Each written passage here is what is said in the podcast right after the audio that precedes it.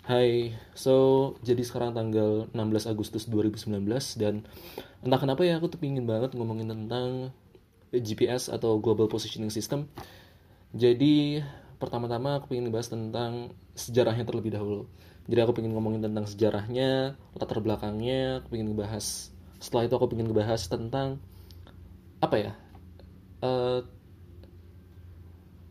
fenomena fisika yang yang ada di balik dari cara bekerja dari GPS dan bagaimana sih caranya GPS itu sendiri bekerja? Gitu jadi ya nggak tahu sih ini bakal seberapa lama aku ngomongin ini. Oke langsung aja. Jadi sebenarnya GPS itu apa sih?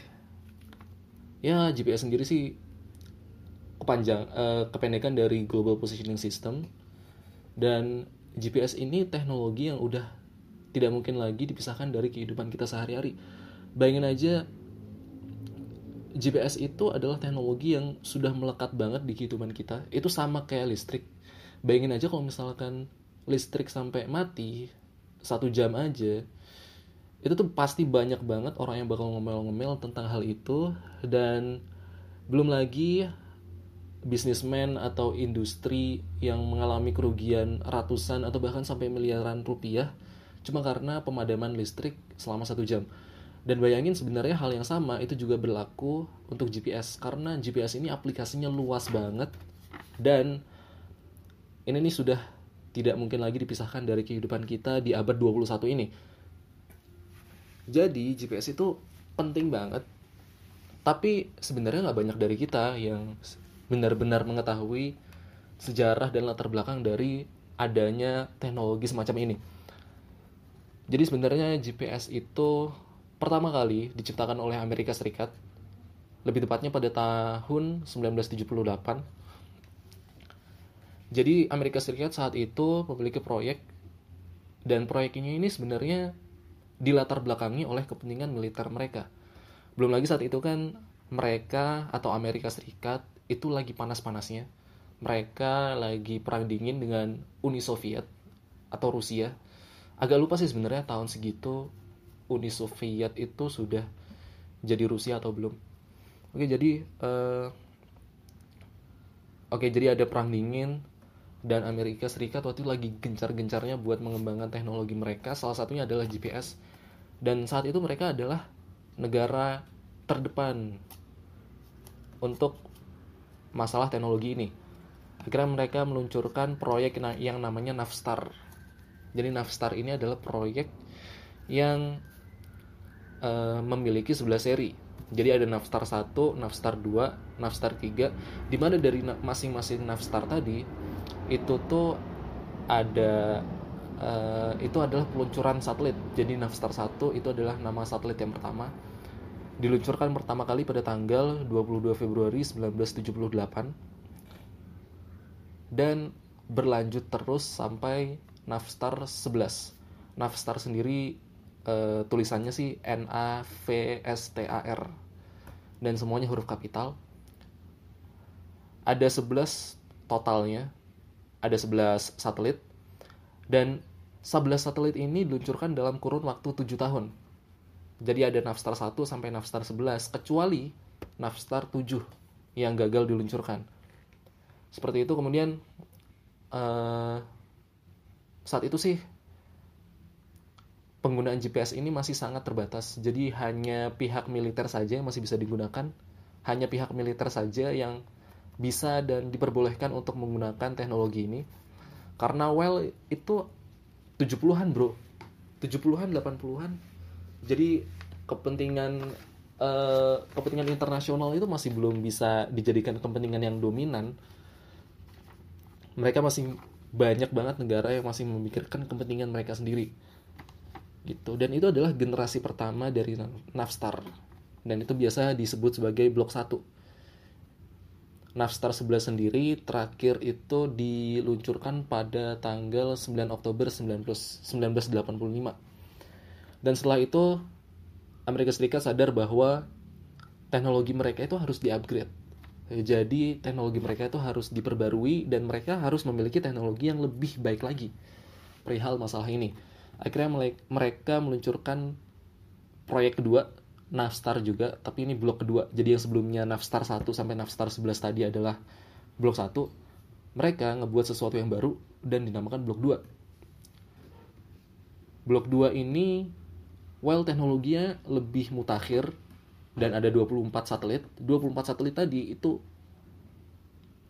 semuanya berputar secara seimbang dan sinkron satu sama lain mengelilingi bumi jadi itu bisa mengcover semua daerah yang ada di bumi dan itu bisa memprediksi lokasi Anda atau siapa pun yang berada di bumi ini secara cukup akurat. Dengan error itu kira-kira cuma 5 meter. Dan bayangin aja error sebesar 5 meter tuh sebesar apa sih? Jadi error 5 meter tuh nggak jauh-jauh banget dan itu udah uh, kalau misalkan kita ngirimkan rudal aja 5 meter tuh udah. Dengan error 5 meter tuh udah akurat banget. Kalau misalnya ada rudal atau bom yang jatuh 5 meter dari jarakmu sekarang ya kamu juga bakal mati sih. Gitu aja. Dan yang menariknya adalah sebenarnya yang pada awalnya GPS ini hanya diperuntukkan untuk kalangan militer saja terkhususnya kalangan militer Amerika Serikat jadi kalangan militer negara lain juga tidak memiliki hak atau wewenang untuk menggunakan teknologi ini. Jadi hanya terbatas pada militer Amerika Serikat saja. Tapi semuanya berubah pada tahun 1983. Pada tahun tersebut ada sebuah kecelakaan penerbangan yang sebenarnya penerbangan ini bukan penerbangan atau maskapai yang dimiliki oleh Amerika Serikat, tetapi kecelakaan ini sangat sangat uh, memiliki memiliki ikatan yang kuat dengan Amerika Serikat. Jadi kecelakaan tersebut juga sebenarnya melibatkan Amerika Serikat gitu. Sebenarnya kecelakaannya kecelakaan apa sih? Jadi kecelakaannya adalah pada tahun 1983 ada penerbangan yang dimaskapai oleh Korean Airlines Oke, okay, Korean Airlines dan Korean Airlines itu pada tahun tersebut menerbangkan pesawat dari New York ke Seoul. Tapi saat itu kan sistem navigasi masih belum bagus-bagus banget. Jadi akhirnya agak blur di tengah jalan tiba-tiba pesawat tersebut justru belok ke daerah Rusia. Dan Rusia yang waktu itu emang lagi panas-panasnya dengan Amerika Serikat ngira kalau misalkan ini nih pesawat Amerika. Akhirnya mereka dengan inisiatif yang sangat tinggi mereka gercap aja. Akhirnya mereka langsung menembak jatuh pesawat tersebut. Padahal itu pesawat sipil. Di situ ada 216 penumpang. 215-nya itu adalah warga negara Korea Korea Selatan. Dan salah satunya adalah warga negara Amerika Serikat 216 penumpang tersebut semuanya dinyatakan meninggal dunia dalam kasus tersebut. Dari situ Amerika sadar bahwa sebenarnya GPS ini akan sangat bermanfaat kalau misalkan digunakan oleh dunia internasional. Akhirnya pada tahun tersebut Amerika Serikat meresmikan penggunaan GPS untuk negara-negara lain. Jadi teknologi tersebut sudah mulai dibuka untuk negara-negara lain dan negara-negara lain memiliki akses untuk menggunakan teknologi tersebut. Tetapi perbedaannya adalah teknologi ini terbatas. Jadi Amerika Serikat itu membuat semacam sistem di mana sistem ini ngebuat sinyal yang diterima itu sedikit error. Jadi kalau misalkan tadi Amerika Amerika Serikat itu memiliki teknologi yang bisa memprediksi posisi suatu benda atau posisi seseorang di bumi dengan ketelitian atau error itu 5 meter. Berarti eh, ketika GPS itu memprediksi posisi seseorang ada di misalkan lagi makan di McDonald well ya belum tentu dia ada di McDonald siapa tahu orang itu ada di parkirannya karena parkirannya jaraknya cuma 5 meter dari McDonald ya dan itu kan udah cukup bagus banget ya error sebesar 5 meter dan itu adalah teknologi yang paling canggih yang dimiliki Amerika saat itu dan teknologi itu masih belum bisa digunakan oleh negara lain meskipun Amerika Serikat sudah mengumumkan bahwa teknologi tersebut sudah diresmikan untuk negara internasional. Jadi mereka membuat sistem di mana ada interferensi di situ. Jadi error yang awalnya sebesar 5 meter itu tuh diubah, diedit jadi 100 meter. Jadi jauh banget, cuy. Jadi kalau misalkan ada sistem GPS yang memprediksi kamu lagi lagi nongkrong atau lagi makan di McDonald, siapa tahu aja itu sebenarnya salah. Jadi siapa tahu tuh orang atau kamu yang lagi nongkrong di McDonald, sebenarnya kamu tuh nggak di McDonald, tapi kamu tuh ada di warteg yang ada dua atau tiga gang dari McDonald, jauh banget kan, gitu. Jadi errornya diubah yang awalnya 5 meter jadi 100 meter.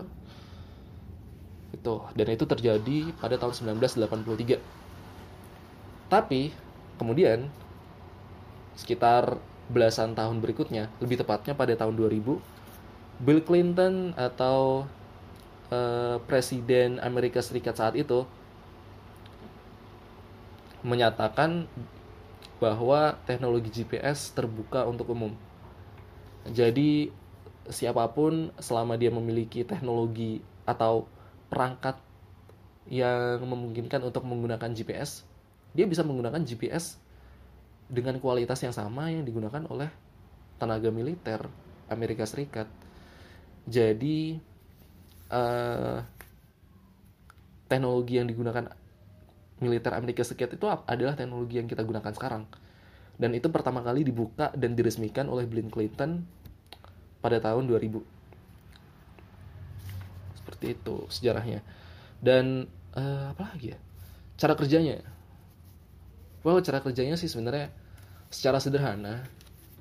Seperti yang aku udah bahas tadi seperti seperti yang udah aku mention sebelumnya itu uh, blok 2 kan punya 24 satelit di mana 24 satelit tadi saling tersinkronisasi saling terhubung satu sama lainnya jadi gerakannya itu selalu seimbang dan akan selalu ada alat yang memprediksi posisi mereka di uh, di permukaan bumi.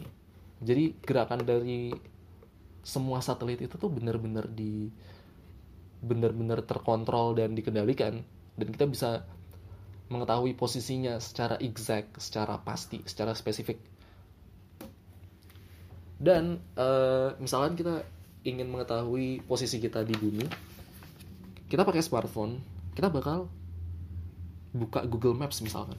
Maka saat itu juga kita bakal mengirimkan sinyal dari HP kita jadi HP kita akan mengirimkan sinyal atas perintah kita. Sinyal tadi itu akan menyebar ke seluruh penjuru dunia C.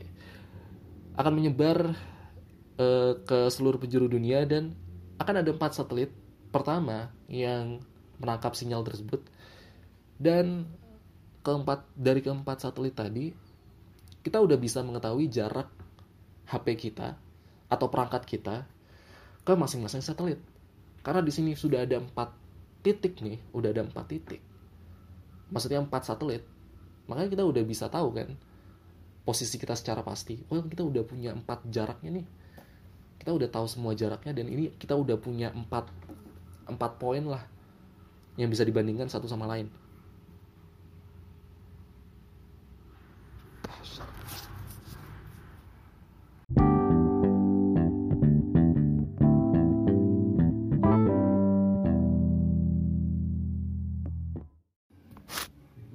Oke, jadi sorry ya tadi sebenarnya ada jadi itu tadi ada Pak Deko gitu ya, terus datang gak enak aja sih kalau misalkan sampai ada orang yang ngomong sendiri di dalam kamar kan. Jadi sekarang beliau lagi nggak ada, tapi di luar sana lagi rame banget sih, lagi ada acara 17-an gitu. Soalnya besok itu tepat adalah Our Independence Day well besok itu 17 Agustus 2019 jadi malam ini nih euforianya tinggi banget lah biasalah orang Indonesia terus ya tuh acaranya pas ada di depan rumah jadi rame banget. Ya udah tadi aku sempat jelasin tentang tentang apa sih tadi? Oh ya tentang gimana sih caranya satelit yang menyediakan teknologi GPS itu bisa mengetahui posisi kita secara spesifik. Itu kan dengan menggunakan empat satelit di mana empat satelit tadi itu mengukur jaraknya terhadap kita. Jadi kita punya uh, akhirnya data tuh bisa didapatkan. Data tersebut adalah data jarak kita dengan satelit pertama satelit kedua satelit ketiga dan satelit keempat. Data-datanya misalkan digabungkan itu tuh bisa mengetahui posisi kita secara pasti di permukaan bumi gitu. Tapi ada ada beberapa hal yang menarik sih sebenarnya kalau misalkan kita ngebahas tentang teknologi GPS karena teknologi GPS itu bukanlah teknologi seperti misalkan mesin mobil atau uh, atau perangkat elektronik uh, klasik gitu perangkat elektronik analog gitu karena misalkan kita ngomongin tentang perangkat elektronik analog atau mesin mobil itu adalah alat-alat yang diciptakan berdasarkan hukum-hukum fisika klasik. Tapi kalau misalkan kita ngomongin tentang GPS, GPS ini adalah teknologi yang penggunanya luas banget, tapi teknologi ini nggak akan bisa terpakai kalau misalkan manusia itu nggak paham tentang teori relativitas. Jadi teori relativitas ini fungsinya dan posisinya di teknologi GPS itu sangat fundamental dan penting. Jadi teori relativitas itu ada dua, yang umum dan khusus. Kalau misalkan kita ngomongin tentang teori relativitas umum, itu artinya semua hal yang ada di alam semesta, yang ada di kosmos, itu tuh akan terpengaruh oleh teori relativitas sejenis ini. Apa pun itu, kita atau misalkan planet, bulan uh, atau bahkan makhluk paling kecil yang bisa kita bayangkan plankton semut atau bahkan sampai ke atom dan komponen penyusun atom itu tuh semua berlaku. Teori relativitas umum. Itu yang pertama. Tapi teori relativitas nggak cuma satu. Jadi ada dua teori relativitas dan teori relativitas yang kedua adalah teori relativitas khusus. Jadi teori relativitas khusus ini gak berlaku untuk semua hal. Jadi dia hanya berlaku untuk beberapa hal. Jadi ada benda atau makhluk hidup yang berada dalam kondisi khusus. Nah benda atau makhluk hidup ini yang baru bisa diperlakukan. Teori relativitas khusus. Yang pertama teori relativitas umum ya. Teori relativitas umum tuh sebenarnya adalah sebuah manifestasi dari uh, usulan Einstein. Jadi Einstein itu pada tahun 1908 beliau itu menyarankan uh, punya ide bahwa sebenarnya space space dan time itu menjadi satu kesatuan. Jadi kalau misalkan space space itu kan adalah ruang.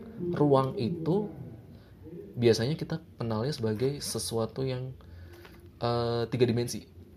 Iya kan? Tiga dimensi. Jadi itu menentukan posisi atau ukuran sebuah benda itu masuknya ke dimensi ruang. Dan kemudian ada lagi dimensi yang lain yaitu dimensi waktu ada masa lalu, masa depan, dan masa sekarang. Itu dimensi waktu. Dan ternyata, menurut Einstein, dimensi waktu dan dimensi ruang itu sebenarnya sama. Dia itu bisa disatukan sama kayak dimensi ruang. Dimensi ruang kan tiga dimensi uh, ada sumbu x misalkan sumbu x y dan z kita punya vertikal horizontal dan apalagi satu lagi kedalaman lah gitu katakanlah jadi ada tiga dimensi dan tiga dimensi itu kan saling berhubungan satu dengan lainnya dan ternyata ketiga dimensi tadi itu tuh masih berhubungan dengan dimensi yang lain yaitu dimensi waktu. Jadi itu berkaitan banget. Dan bagaimana sih mereka itu berkorelasi? Bagaimana sih caranya mereka itu berhubungan satu dengan lainnya? Karena kalau misalkan kita berpikir secara secara mentah-mentah aja itu nggak mungkin. Misalnya kita ngomongin tentang waktu dimensi waktu gimana caranya kita bisa menghubungkan dimensi waktu dengan dimensi ruang kan susah banget kan jadi mereka itu terhubung dari gravitasi gravitasi itu berasal dari sesuatu yang memiliki massa dan hampir semua hal yang memiliki masa di alam semesta itu pasti ada. Semua hal itu pasti punya punya masa. Dan ingat kalau misalkan kita ngomongin masa, menurut Einstein, masa itu sama dengan energi. Jadi kalau misalkan kita ngomongin tentang masa, sebenarnya ada sih objek yang tidak memiliki masa. Foton misalkan. foton tuh masanya kalaupun punya masa itu masanya kecil banget dan itu bisa hampir tidak diperhitungkan. Tapi sayangnya foton itu punya energi. Kadang energi gede banget. Dan energi itu sama dengan massa ingat E equals mc square. Jadi kalau misalkan kita ngomongin tentang massa kadang kita ngomongin energi di saat yang bersamaan gitu. Dan misalkan masanya besar itu artinya akan menimbulkan gravitasi yang besar juga. Nah ketika gravitasi itu besar biasanya waktu yang terjadi di sana itu lebih lambat. Jadi misalkan gini aku uh, lagi uh, aku lagi naik pesawat nih. Pesawat keluar angkasa gitu entah ke mana lah ke Morek atau ke itu planet yang ada di Guardians of the Galaxy by the way. Jadi gue pergi ke mana gitu ke Titan misalkan rumahnya Thanos gitu ya. Naik pesawat pesawatnya tuh cepet banget. Gerakannya cepet banget dan itu menjauhi uh, menjauhi bumi kan? Jadi menjauhi pusat gravitasi. Nah waktu di pesawat gue tuh lagi nonton Liga Inggris Liga Inggris kan terjadi di bumi nih. Di Inggris lebih tepatnya. Itu kan ada di bumi dan itu terpengaruh oleh gravitasi. Nah bayangin waktu aku lagi nonton Liga Inggris ternyata tuh Liga Inggris yang satu pertandingan biasanya berjalan selama 90 menit karena aku nontonnya di pesawat yang jauh dari pusat gravitasi yang ada di alam semesta akhirnya selama aku nonton aku ngerasa kalau misalnya tuh pertandingan lambat banget. Jadi pertandingan yang seharusnya 90 menit karena aku nontonnya jauh dari pusat gravitasi itu akan terasa 120 menit. Jadi tuh pemain tuh gerakannya lambat banget tuh serasa kayak nonton bola pemainnya gerakannya lambat banget kayak slow motion dong jadi uh, aku akan mengalami uh, aku bakal merasakan waktu yang lebih banyak gitu ketika jauh dari pusat gravitasi. Dan itu juga uh, mempengaruhi gerak loh. Jadi misalkan ada benda yang memiliki massa well kayak gravitasi lah kayak misalkan uh, ada bumi terus tiba-tiba ada meteor yang lewat gitu. Tapi dia nggak menuju ke bumi tapi dia cuma lewat. Ya nyempil dikit lah di bumi. Tuh lintasan dari meteor tadi pasti bakal berubah. Dan itu Artinya masa tadi karena memiliki gravitasi, gravitasi akan mempengaruhi bentuk dari dimensi ruang. Makanya gerakan meteor itu bisa belok, bisa berubah, bisa tidak lurus lagi. Tapi kalau misalkan bumi nggak ada di sana, nggak ada pusat massa di sana, maka meteornya akan memiliki lintasan yang sama kayak yang sebelumnya. Itu tadi teori relativitas umum itu yang pertama. Tapi kita masih punya teori relativitas yang kedua, yaitu teori relativitas khusus.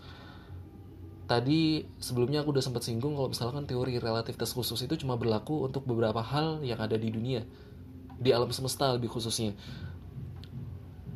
Sebenarnya hal seperti apa sih? Jadi objek ini, entah itu benda atau makhluk hidup, dia harus memiliki kecepatan tertentu. Dan kecepatannya itu harus bisa dibandingkan dengan kecepatan cahaya. Misalkan gini, kamu naik mobil F1 misalkan, kecepatannya 300 km per, per jam, well 300 km per jam itu kalau misalkan dibandingkan dengan kecepatan cahaya itu masih belum ada apa-apanya. Bisa aja itu cuma uh, 300 km per jam tadi baru misalkan dikali 2000 atau 20 ribunya baru mencapai kecepatannya sama dengan kecepatan cahaya itu artinya kan jauh banget tuh satu banding 20 ribu jadi ki uh, mobil F1 itu bahkan ketika di berada di kecepatan yang paling tinggi sekalipun teori relativitas khusus tetap tidak akan berlaku pada kendaraan tersebut Kenapa? Well, karena kecepatannya masih lambat banget kalau misalkan harus dibandingkan dengan kecepatan cahaya. Tapi bayangin kalau misalkan kamu naik pesawat yang kecepatannya setengah kali kecepatan cahaya. Nah, itu baru teori relativitas khusus bisa berlaku di situ. Dan biasanya benda yang objek yang memiliki kecepatan yang tinggi itu akan mengalami waktu yang lebih panjang juga sama kayak tadi deh kayak uh, kayak itu tadi kayak pesawat tadi lo lagi di jalan naik pesawat yang kecepatannya cepet banget tinggi banget kecepatannya sambil nonton Liga Inggris yang ada di bumi. Itu bakal kerasa kayak slow motion. Gitu loh. Ya gitu lah. Dan apa yang terjadi uh, korelasinya dengan GPS itu apa sih? Jadi GPS itu menggunakan satelit kan? Satelit itu berada pada ketinggian tertentu di atas bumi itu artinya dia akan mengalami gravitasi efek gravitasi yang dialami oleh satelit itu akan berbeda dengan efek gravitasi yang kita rasakan di permukaan bumi itu artinya pengaruh dari teori relativitas umum itu harus benar-benar dipertimbangkan. Karena kalau misalkan sampai tidak dipertimbangkan, itu akan ada error uh, waktu. Jadi ada error waktu. Lo kalau misalnya lo nggak ngerti, uh, ditahan dulu aja lah. Aku bakal berusaha buat ngejelasin sebagus mungkin. Jadi 38 mikrosecond itu sebenarnya error yang terjadi di uh, datanya. Jadi gini, di satelit kan satelit tuh punya jam tuh. Kita punya jam, satelit juga punya jam. Seharusnya jamnya tuh harus sinkron antara jam satelit dengan jam kita. Tapi satelit sendiri itu mengalami uh, teori relativitas umum tadi karena dia terpengaruh oleh gravitasi dengan cara yang berbeda dengan kita jadi akhirnya waktu yang dialami oleh satelit itu juga akan berubah, akan berbeda dengan kita. Mereka akan ngerasain waktu yang lebih cepat selama 38 mikrosecond. 38 mikrodetik. Itu sebenarnya angka yang angka yang kecil banget. Tapi tapi kalau misalkan kita sampai keliru satu mikrosecond aja kita tuh bisa sampai keliru mengukur jarak kita berdasarkan GPS itu sampai 100 meter kalau misalkan ada kesalahan satu mikrosecond aja jadi ini tuh penting banget 38 mikrosecond tuh kalau misalkan kita biarin gitu aja itu jaraknya bakal jauh itu bisa sampai error 4 km dan itu nggak akan ada gunanya GPS gitu loh dan itu baru yang pertama teori relativitas umum, kita juga masih punya teori relativitas yang lain yang tentunya harus tetap dipertimbangkan. Apa itu? Itu adalah teori relativitas khusus. Jadi satelit itu ketika bergerak di atas di angkasa sana, dia bergerak dengan kecepatan 1000 eh sorry 14.000 km per jam. Dan kecepatannya itu ya kalau misalkan dibandingkan dengan kecepatan cahaya sih sebenarnya masih belum ada apa-apanya. Cuma 14.000 km per jam itu udah cepet banget dan itu uh, itu kira-kira berapa? Ya itu udah mungkin udah seribu kalinya kecepatan uh, misalnya dikalikan seribu mungkin udah hampir sama kayak kecepatan cahaya mungkin ya. Jadi itu harus diberi diperhitungkan. Dan uh, karena itu waktu yang dialami oleh satelit itu juga akan lebih cepat. Lebih cepat sebanyak 7 mikrosecond. Jadi misalkan gini uh,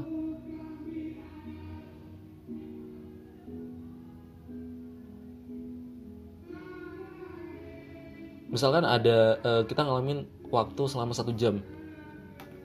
Kita main game selama satu jam. Dan satu jam tersebut itu bisa uh, kita hitung berdasarkan jam kita yang ada di bumi. Tapi kalau misalkan dihitung pakai jam yang ada di satelit itu bakal berubah bakal beda. Bedanya mungkin ya 7 mikrosecond misalkan. Bedanya. Anjing ngomong apa sih itu di luar ganggu banget ya Allah.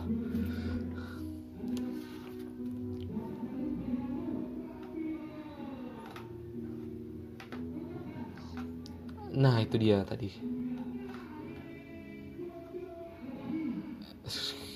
Oke gitu aja ya buat sekarang. Sebenarnya ada satu komponen yang unik banget sih dan ini fundamental banget di satelit supaya bisa memastikan GPS itu bisa bekerja dengan baik komponen apakah itu itu adalah jam. Jadi mungkin di episode berikutnya kalau misalkan aku dikasih kesempatan aku pengen banget buat bisa ngebahas tentang jam ini sih. Tentang sejarah jam. Mulai dari jam yang klasik banget yang cuma pakai pendulum doang. Kemudian ada quartz clock uh, jam yang menggunakan bahan piezoelektrik itu adalah jam yang kita pakai di HP kita. Atau mungkin jam yang dipakai di jam-jam pada umumnya jam tangan dan lain-lain. Dan yang paling canggih itu atomic clock. Jadi jamnya itu bekerja dengan memanfaatkan pergerakan dari atom. Gitu deh itu keren banget. Jadi next aku pengen banget ngebahas tentang jam. Oke itu aja. Terima kasih buat semuanya yang udah mau dengerin. Thank you. Well uh, good night